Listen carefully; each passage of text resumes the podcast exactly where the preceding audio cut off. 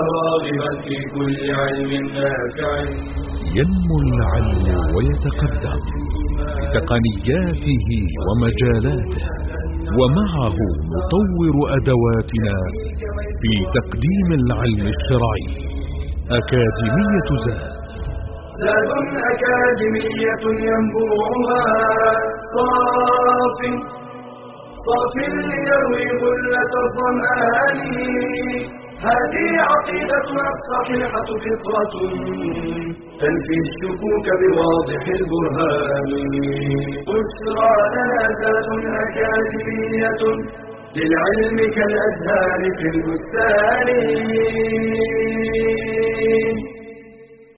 السلام عليكم ورحمة الله وبركاته. الحمد لله رب العالمين والصلاة والسلام على أشرف المرسلين محمد وعلى آله وصحبه أجمعين.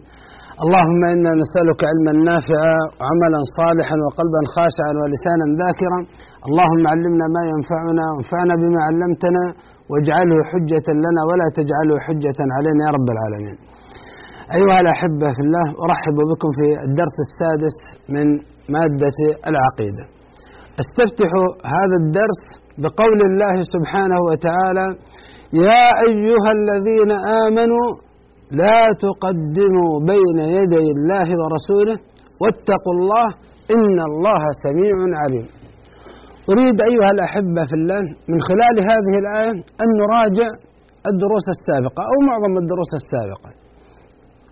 فمن قوله سبحانه وتعالى يا أيها الذين آمنوا نتذكر دائما هذه النعمة التي أنعم الله عز وجل بها علينا. وهي نعمة الهداية للإسلام والإيمان. هذه النعمة التي ينادينا الله سبحانه وتعالى بها هي أعظم نعمة أنعم الله بها على الإنسان. هذه النعمة نعمة الإيمان نحن نعقد عليها قلوبنا وضمائرنا. فيسمى هذا الأمر عقيدة. بهذه النعمة بنعمة, الهدا بنعمة الهداية للإسلام والإيمان أخرجنا الله من الظلمات إلى النور. بهذه النعمة نقلنا الله عز وجل من من الموات إلى الحياة. قال الله عز وجل أو من كان ميتا فأحييناه وجعلنا له نورا يمشي به في الناس كمن مثله في الظلمات ليس بخارج منها كذلك زين للكافرين ما كانوا يعملون. الكافر في ظلمه وإن كان يعيش بين الأنوار. الكافر ميت وإن كان قلبه ينبض بالحياة. فإذا أنعم الله عز وجل على الإنسان بالإيمان صار حيا وصار في نور. لذلك أيها الأحبة في الله هذه النعمة لكونها كبيرة. نحن بنهاية شهر رمضان نكبر. الله أكبر! الله أكبر! لا إله إلا الله! الله أكبر! الله أكبر! ولله الحمد! تكبيرنا على نعمة الهداية للإسلام والإيمان. ولتكبر الله على ما هداكم. فلنستشعر يا إخوان دائما نعمة أن أن جعلنا الله عز وجل من المؤمنين به وبملائكته وبكتبه ورسله واليوم الآخر. المؤمنين بالقدر خيره وشره.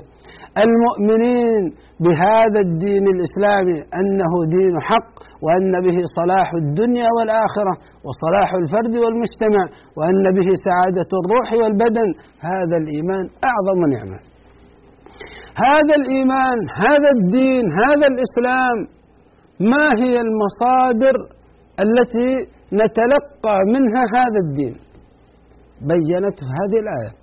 قال الله ورسوله يا أيها الذين آمنوا لا تقدموا بين يدي الله ورسوله.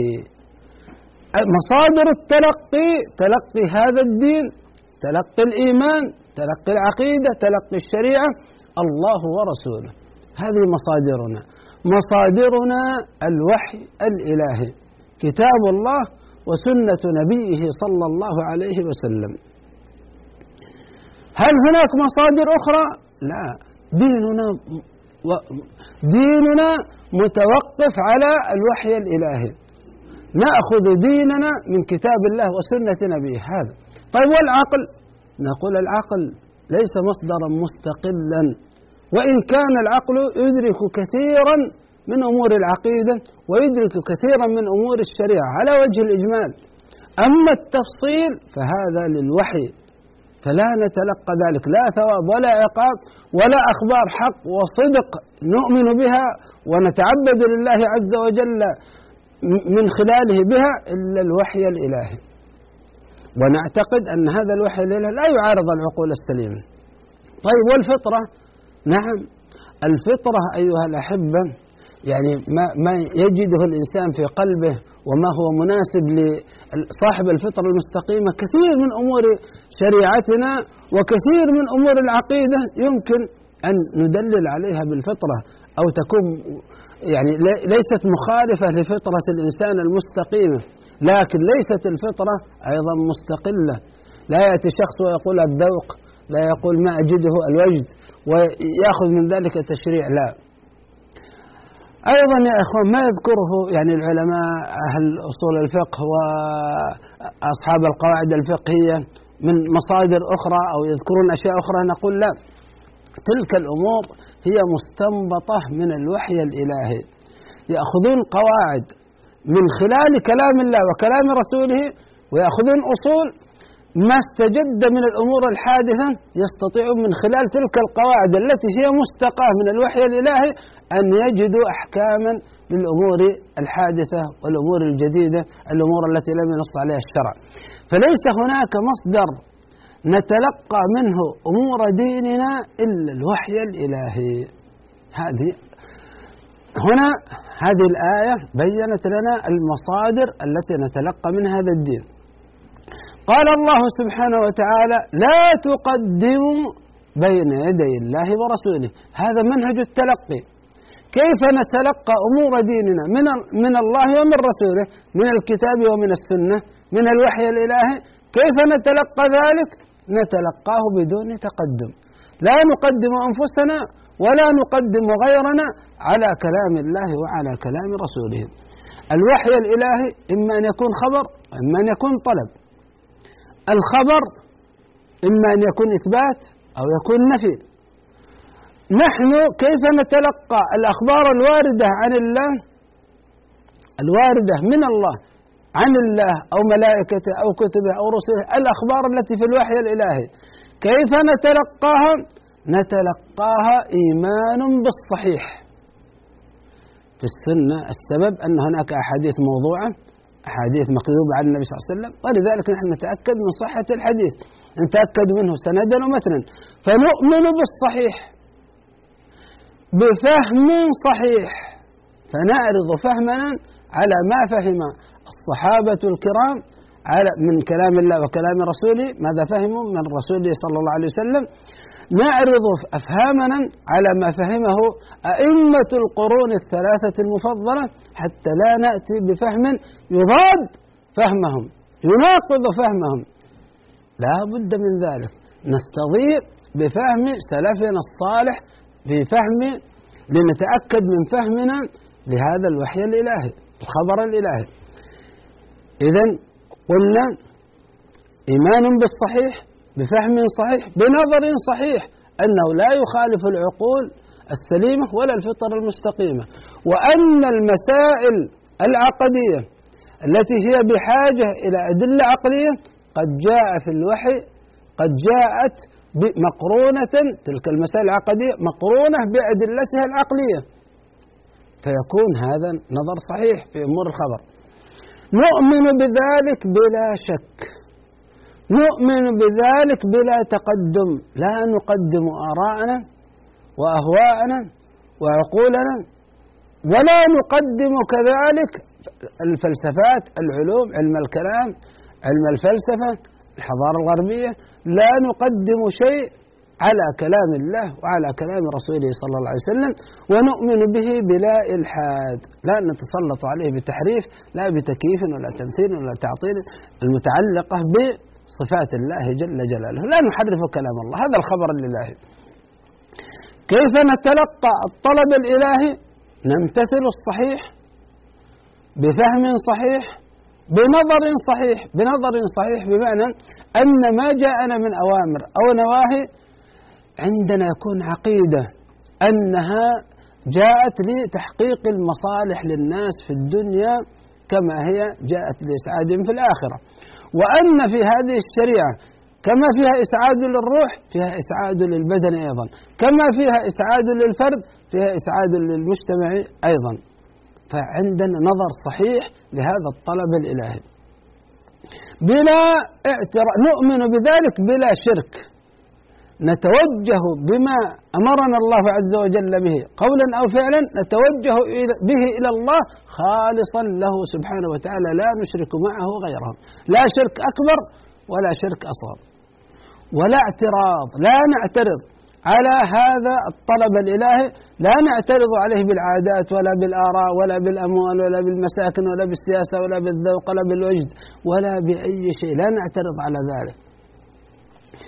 ولا ابتداع ولا نبتدع في هذا الطلب الإلهي. نأخذه كما هو.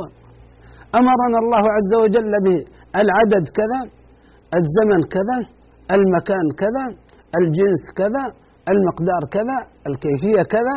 فنأخذه كما جاءنا في الشرع. لا نبتدع في ذلك. لا نغلو ولا نفرط.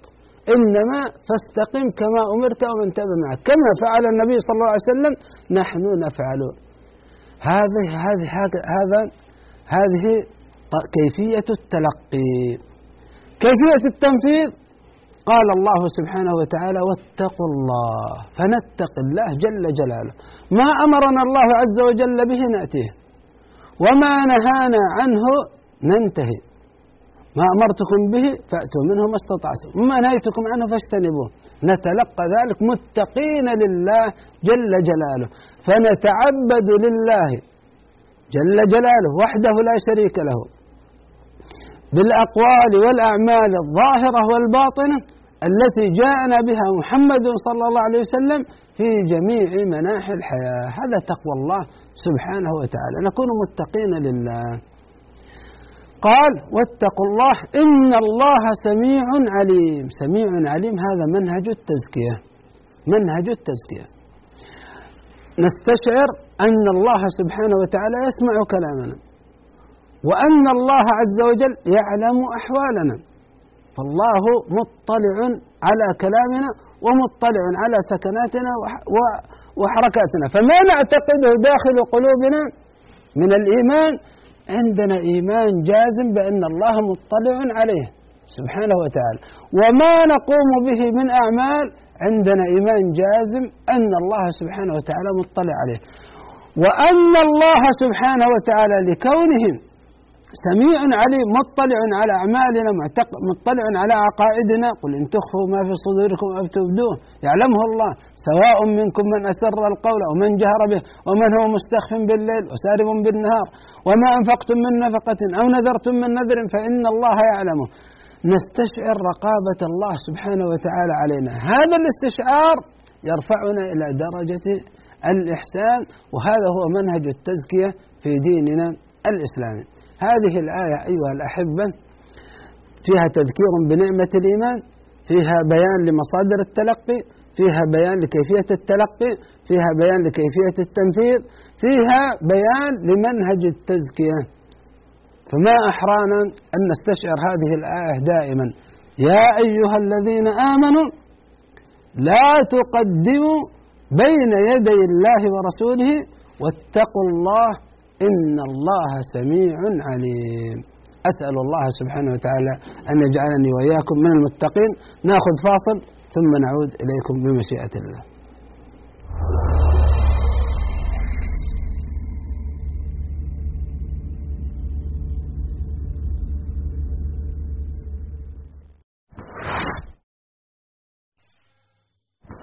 هل أنت حريص على تصحيح عباداتك؟ هل ترجو أن يتقبلها الله؟ اطلب العلم إذ لا تصح العبادة إلا به. قال تعالى فاعلم أنه لا إله إلا الله واستغفر لذنبك وللمؤمنين والمؤمنات. وشرط قبول طلب العلم الإخلاص فيه بألا تريد به إلا وجه الله. قال تعالى قل إني أمرت أن أعبد الله مخلصا له الدين.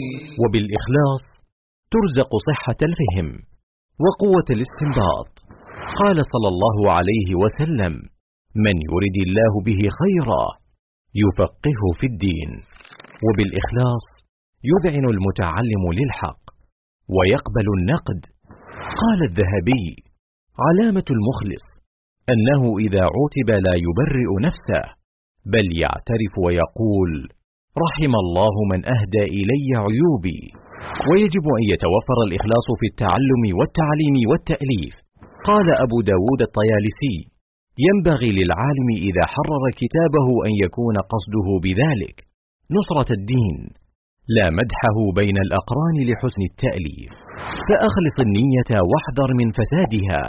كطلب العلم لأجل المال والثروة أو الجاه والشهرة أو المراء والجدل فإن ذلك يفسد العمل. قال تعالى وقدمنا إلى ما عملوا من عمل فجعلناه هباء منثورا.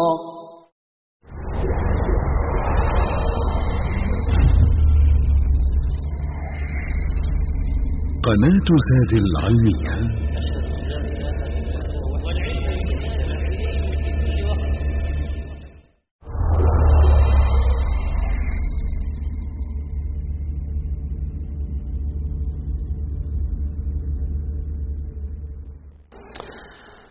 حياكم الله يا إخوان. عدنا لكم بعد هذا الفاصل.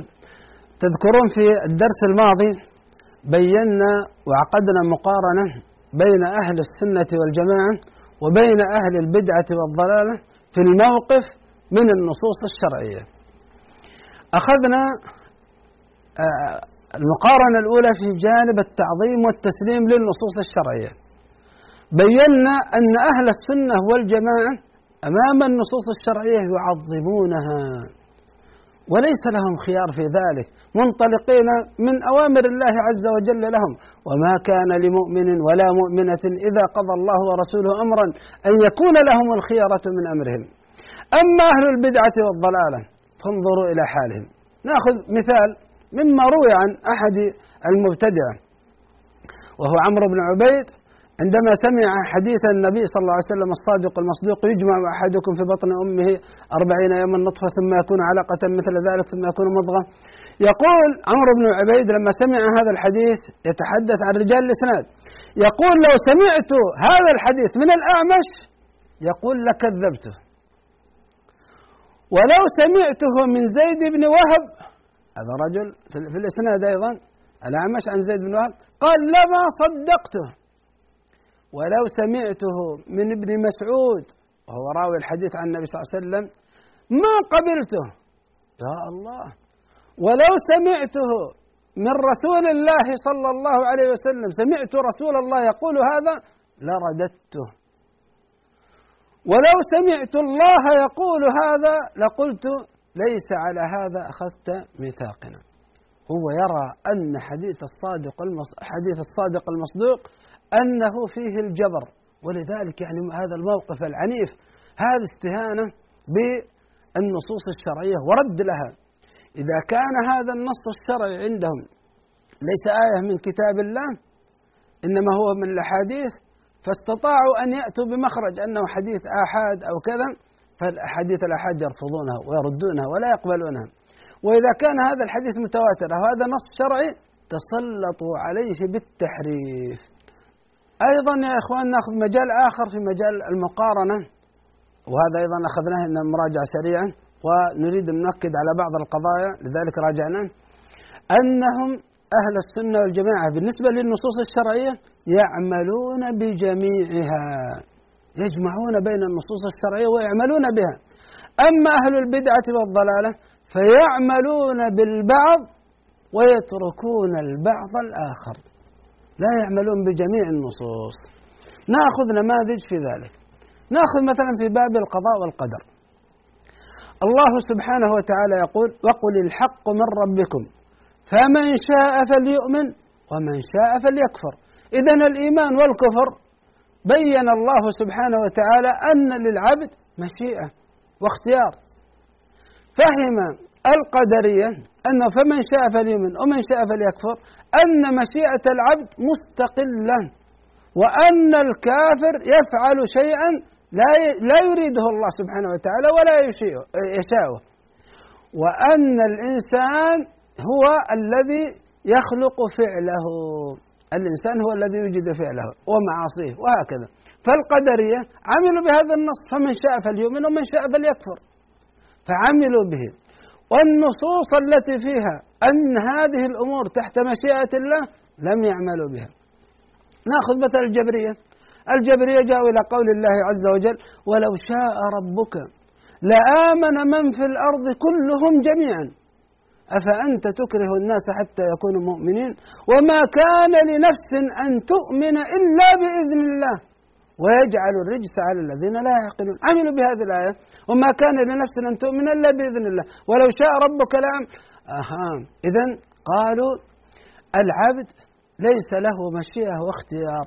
إنما هذا الإيمان وهذا الكفر كله بمشيئة الله والعبد في هذه الأمور كالريشة في مهب الريح. فانظروا عملوا بالآيات التي قد يفهم منها أن العبد مشيئته تحت مشيئة الله فقالوا بالجبر. وأولئك عملوا بالآيات والأحاديث التي تدل على أن للعبد مشيئة واختيار. أهل السنة والجماعة يعملون بجميع النصوص وهناك نصوص جاء فيها وورد فيها الجمع بين ذلك. قال الله عز وجل إن هو إلا ذكر للعالمين لمن شاء منكم أن يستقيم. أثبت المشيئة لنا. وما تشاءون إلا أن يشاء الله رب العالمين. وما تشاءون إلا أن يشاء الله إلا أن يشاء الله رب العالمين. إذا أثبت أن مشيئة العبد تحت مشيئة الله سبحانه وتعالى. فالله عز وجل له إرادتان سبحانه وتعالى. إرادة كونية قدرية هذه لا يخرج منها أحد. وإرادة شرعية دينية.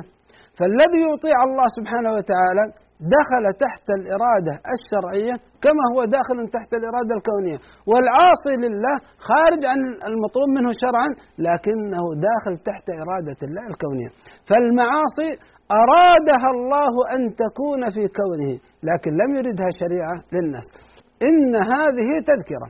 فمن شاء أثبت العبد مشيئة اتخذ إلى ربه سبيلا. ثم قال وما تشاءون إلا أن يشاء الله إن الله كان عليما حكيما يدخل من يشاء في رحمته. فمشيئة العبد تحت مشيئة الله. المقصود هو مثال وقد نأخذه إن شاء الله بالتفصيل في موضوع القضاء والقدر.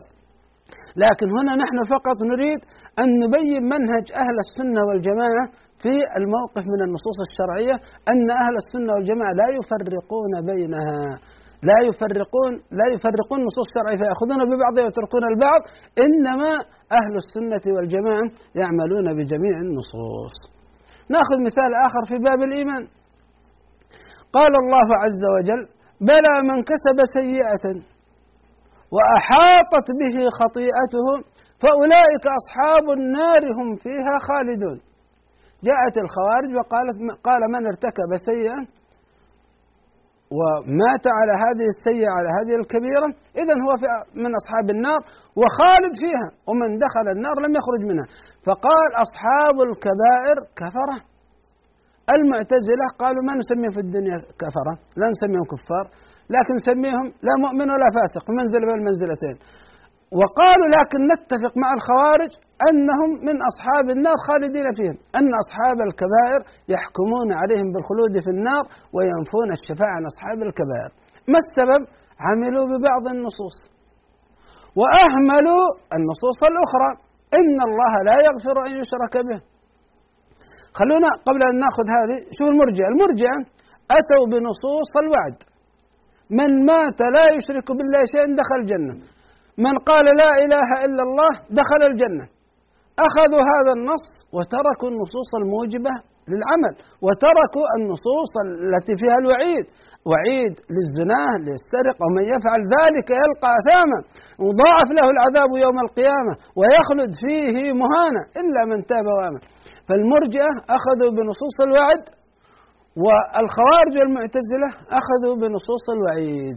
وأهل السنة والجماعة يعملون بالجميع.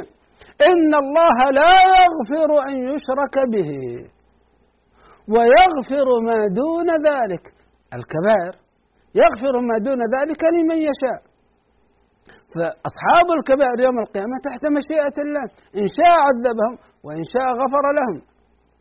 أما أما من لقي الله بالشرك فهذا هو الذي يكون في النار ولا يخرج منها. والذين دخلوا النار من أصحاب الكبائر عاقبهم الله فإنهم لا يخلدون فيها. هو فقط الآن إشارة إلى منهج أهل السنة والجماعة في التعامل والموقف من النصوص الشرعية وموقف أهل البدع من النصوص الشرعية. أهل السنة والجماعة يعملون بجميع النصوص وأهل البدعة والضلالة يعملون ببعضها دون البعض الآخر. الآن أيها الأحبة سننتقل إلى قضية نحن تحدثنا عنها في اللقاء الماضي في الدرس الماضي لكن كان الحديث عنها مقتضبا سريعا. نريد أن نؤكد على هذه القضية. أهل السنة والجماعة ما موقفهم من النصوص الشرعية؟ أهل السنة والجماعة يأتون للنصوص الشرعية التي تشتبه عليهم بمعنى يكون لها أكثر من معنى ماذا يصنعون؟ يفسرون هذه النصوص الشرعية في ضوء المحكم. تحدثنا في اللقاء الماضي أن القرآن وصف كله بأنه محكم. قال الله عز وجل: ألف لام را كتاب أحكمت آياته ثم فصلت من لدن حكيم خبير. والله سبحانه وتعالى وصف القرآن بأن كله متشابه.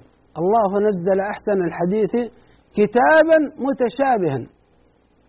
فالإحكام وصف القرآن بأنه كله محكم وصف القرآن بأنه كله متشابه هو معناه واحد. محكم متقن ومن إتقانه أن أنه يشبه بعضه بعضا فلا يتضاد وليس فيه أي اختلاف. فهذا معنى الإحكام العام والتشابه العام. وأما قول الله عز وجل هو الذي أنزل عليك الكتاب منه آيات محكمات هن أم الكتاب وأخر متشابهات.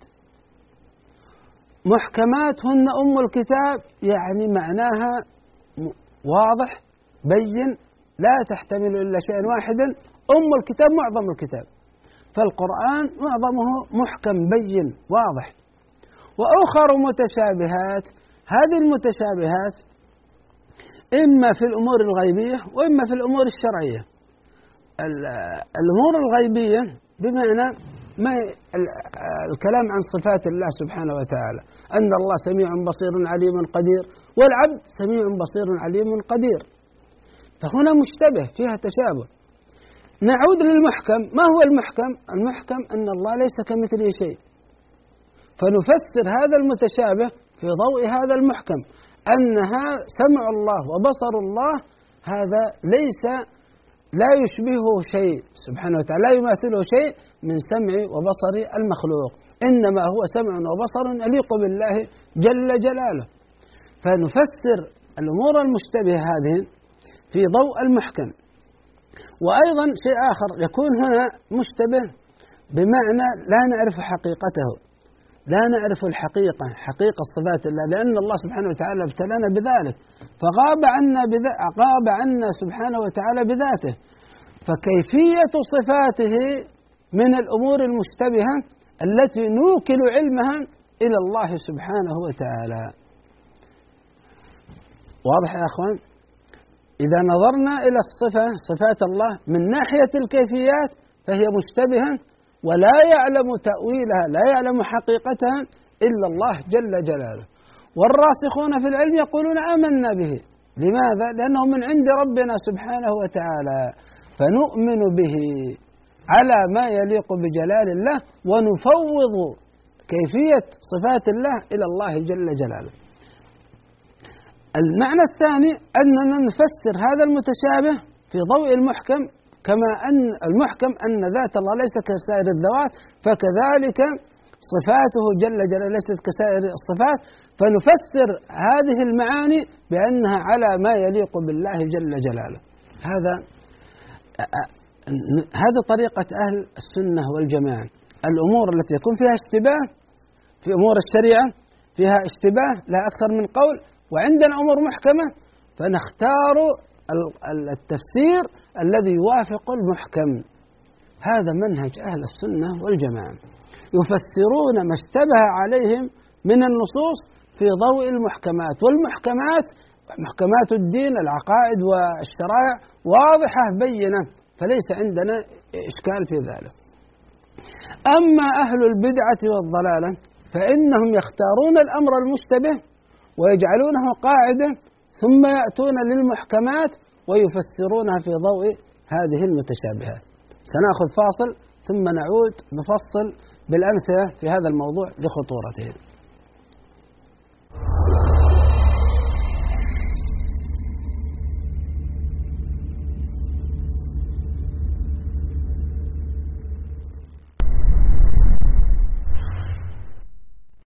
هل تحمل هم نفقات تطاردك ولا تستطيع تلبيتها؟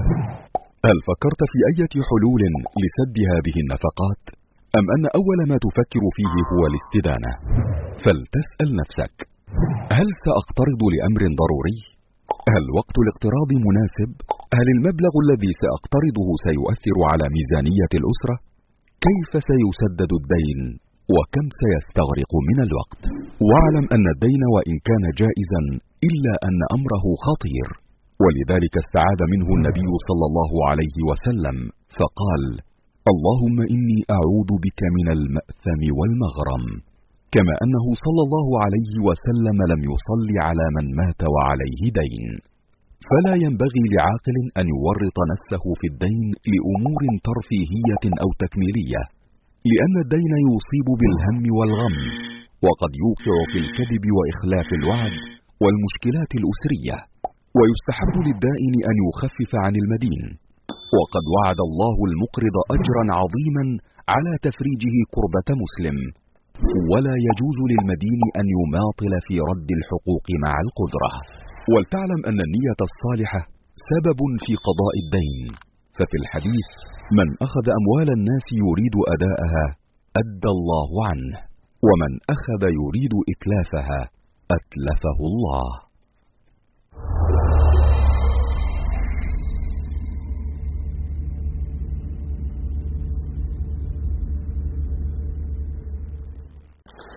حياكم الله يا إخوان. كما يعني وقفنا انه سنذكر أمثلة لأهل البدع في موضوع المتشابه والمحكم لخطورة هذا الأمر. عرفنا منهج أهل السنة والجماعة يفسرون المشتبه في ضوء المحكم. انظروا إلى أهل البدعة والضلالة ماذا يصنعون؟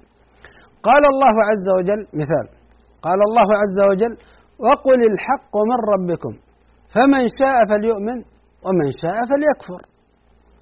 ماذا يصنع أهل البدعة والضلالة؟ قالوا الله سبحانه وتعالى جعل الإنسان الاختيار فإذا يكون لا بد أن نجعل للناس حرية الكفر عياذا بالله. فمن أراد أن يكفر فله ذلك ولا يعاقب على اختياره للكفر بدليل هذه الآية. تركوا الآيات الكثيرة التي تنص الآيات الكثيرة التي يتوعد الله عز وجل فيها الكفرة بالنار ويبين أن أنه ليس للإنسان أن يختار الكفر أن الله لا يرضى لذلك لعباده الكفر.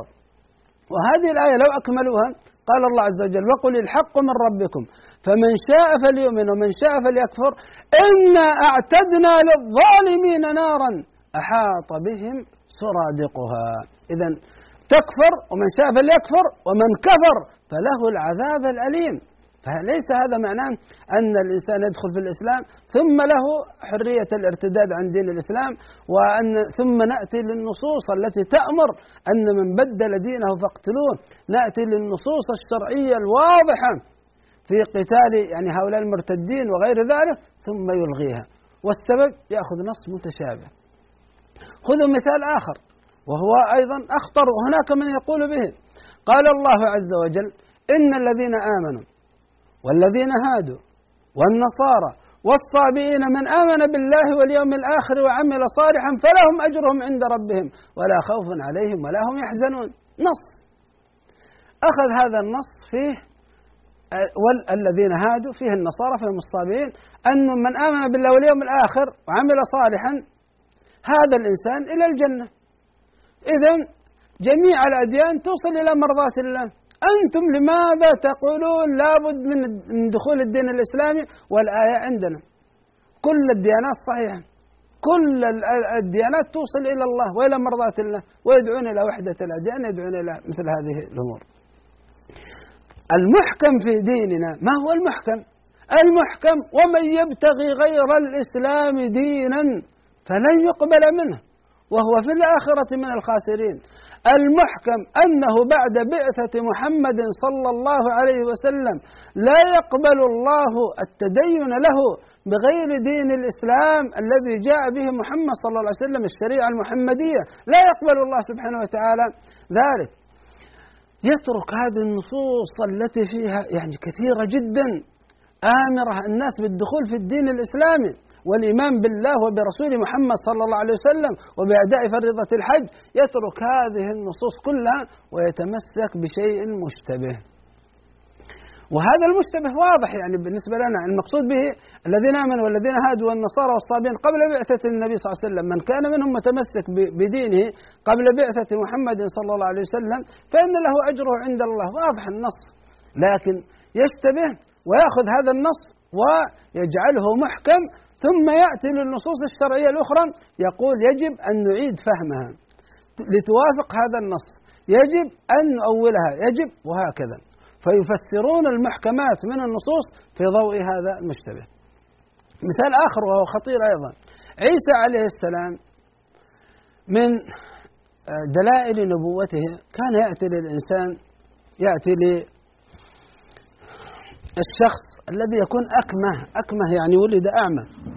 يأتي إليه ثم يأتي بشيء من الطين ويجعله في يده هكذا ثم يضعه على عينه ثم يقول للناس هذا الرجل ما رأيكم فيه؟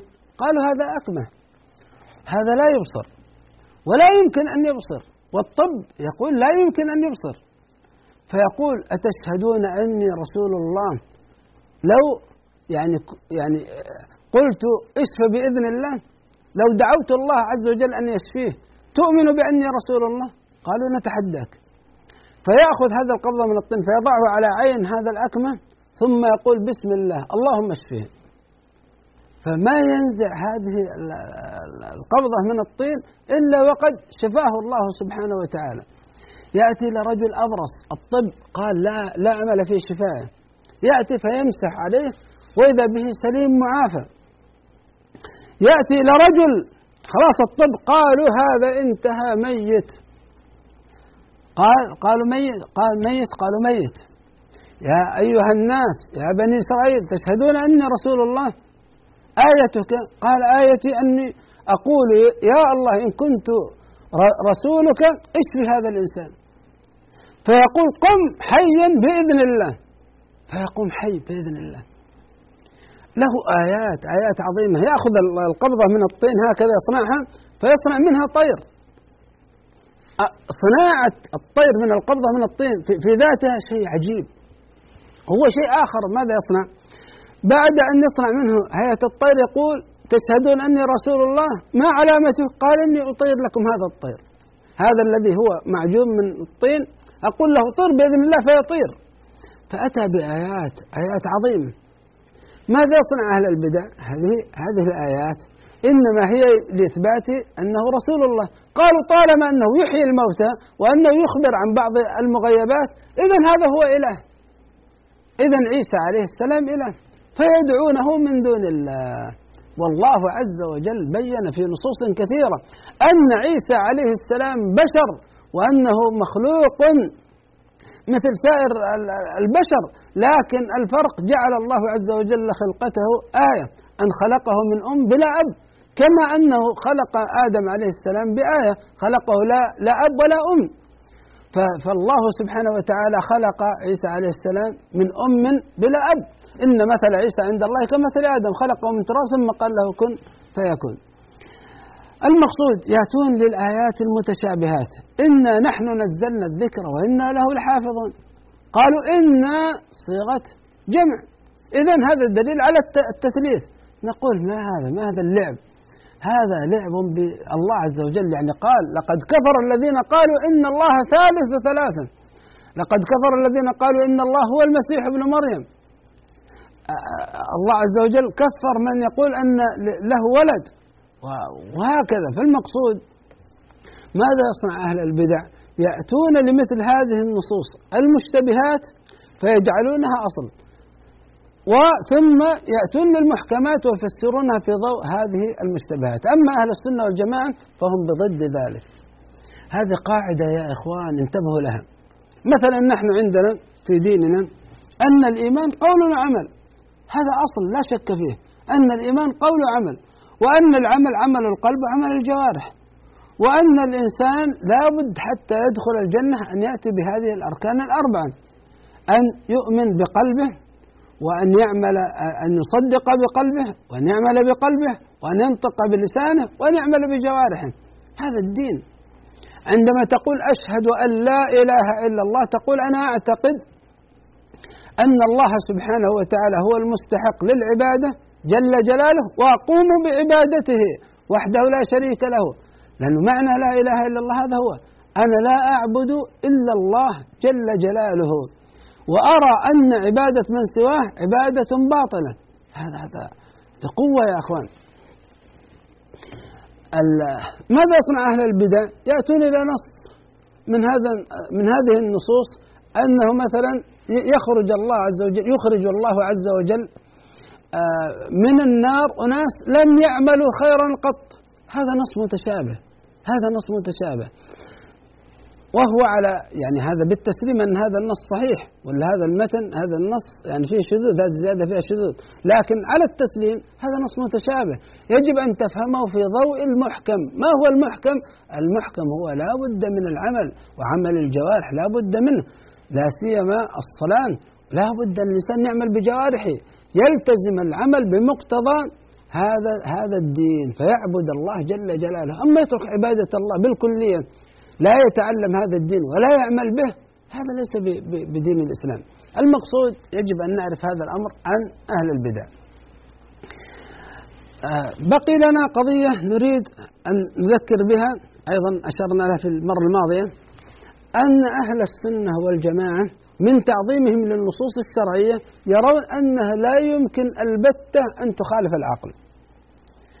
في المرة الماضية تحدثنا عن أن المتكلمين للأسف الشديد فرق الكلامية يقدمون المنهج الكلامي على كلام الله وكلام رسوله. ذكرنا بعض المصطلحات قال لي بعض الإخوة قد لا تكون يعني واضحة. عندهم العالم مكون من جوهر وعرض جوهر وعرض هذه مصطلحات يونانية. وقال بالاستقراء وجدنا أن العالم إما أن يكون جوهر. الجوهر هو القائم بذاته. و مثل يعني هذا الجسم مثل هذه النظارة هذه قائم بذاته. هذا يسمى جوهر. واللون الذي على هذه النظارة هذا اللون يسمى عرض. العرض هو القائم بغيره ولا يقوم بذاته. الحركة والسكون هذا يسمى عرض. فالعالم بالاستقراء وجدناه إما أن يكون جوهر وإما أن يكون عرض. ثم هذا العرض لو سلطنا عليه الشمس زال يعني بالمشاهدة. طبعا نختصر طبعا لهم خلافات في إثبات يعني أن العرض حادث. لكن خذوا بالمشاهدة مثلا الأعراض تزول. يعني هذه الحركة تزول يأتي السكون السكون بالدف تذهب. إذا فالأعراض حادثة. والجواهر الجوهر إذا كان مكون من أكثر من واحد يسمى جسم. فالجسم هو المركب من جواهر. والجوهر الجوهر الفرد هو يقولون هذا الذي لا يمكن أن يقبل الانقسام. طبعا حتى هذا الكلام باطل لكن نحن أنا أريد أن أصل لقضية معينة الآن. يقول العالم مكون من جوهر هو أعراض. الأعراض حادثة والجواهر لا تخلو من الأعراض إذا الجواهر حادثة. إذا العالم حادث ولا بد له من محدث. إلى هنا ماشي. لا بد له من محدث المحدث الآن علم الكلام. المحدث هذا لا يمكن أن يكون مثل العالم. فلا يمكن أن يكون جوهرا لا يمكن أن يكون جسما لا يمكن أن يكون عرضا لا يمكن أن تحله أن تحله الأعراض إذا هذا ماذا سموه؟ سموه قواعد عقلية. هذا إيش هو؟ علم الكلام. سموا هذه القواعد العقلية سموا علم الكلام قواعد عقلية قطعية. ويقولون بها أثبتنا أن الله سبحانه وتعالى موجود ثم تدرجنا في إثبات الصفات حتى وصلنا إلى صفات الكلام وأن الله متكلم. وأثبتنا أن هذا القرآن كلام الله. طيب ثم ماذا؟ قالوا عندنا الآن الطريق هذا اللي هو الدليل العقلي أثبتنا به كلام الله. فالآن كلام الله يسمونه النقل وهو كذلك. وعندنا العقل. العقل عندهم ليس هو العقل الذي عندنا. يقصدون بالعقل علم الكلام. فعندهم علم الكلام الآن وعندهم النقل. ماذا يصنعون؟ يأتون بالنقل فيضعونه في علم الكلام. فما قبله علم الكلام؟ قبلوه. ما رفضوا علم الكلام؟ رفضوه. هذا المنهج منهج منحرف منهج غير صحيح. أما أهل السنة والجماعة يأتون بعلم الكلام ويضعونه في النقل في الوحي الإلهي. ما قبله من المصطلحات هذه المصطلحات تسمى مصطلحات مجملة. فيقال ماذا تقصد بالجوهر؟ القائم بنفسه فالله قائم بنفسه. إذا تقصد بالجوهر المركب من أجزاء وركبه غيره فالله عز وجل ليس بجوهر بهذا المعنى. ماذا تقصد بالعرض تقصد بالعرض صفات الله جل جلاله؟ فالله عز وجل بهذا المعنى تحل به الأعراض أما إذا كنت تقصد بالعرض تقصد بالعرض الأعراض والآفات فالله عز وجل منزه عن ذلك. نخلص ونختم هذه الحلقة حتى نأخذ موضوعات أخرى بإذن الله. أننا في ديننا في عند أهل السنة والجماعة لا يمكن بأي حال من الأحوال أن يكون هناك تعارض بين العقل وهو الصفة الغريزة التي أنعم الله عز وجل بها على الإنسان الغريزة المدركة العلوم الضرورية العلوم النظرية اليقينية. هذه الأمور لا يمكن بأي حال من الأحوال أن تتعارض مع النقل بل هي متوافقة معها. أما عند أهل البدعة والضلالة علم الكلام علم الفلسفة علم الكشف هذه تتعارض ويقدمون تلك الأمور على كلام الله وعلى كلام رسوله صلى الله عليه وسلم. أسأل الله سبحانه وتعالى أن يجعلني وإياكم من المؤمنين حقا وصدقا وأن يملأ قلوبنا ويشرح صدورنا بهذا الدين الإسلامي. واستودعكم الله إلى حلقة قادمة. صلى الله وسلم وبارك على عبده ورسوله محمد وجزاكم الله خيرا. يا راغبا في كل علم نافع متطلعا لزيادة الإيمان. وتريد سهلا النوال ميسرا يأتيك ميسورا بأي مكان. زاد زاد أكاديمية ينبوعها. صاف. صاف ليروي غلة الظمآن هذه عقيدتنا الصحيحة فطرة. تنفي الشكوك بواضح البرهان. بشرى لنا ذات أكاديمية للعلم كالأزهار في البستان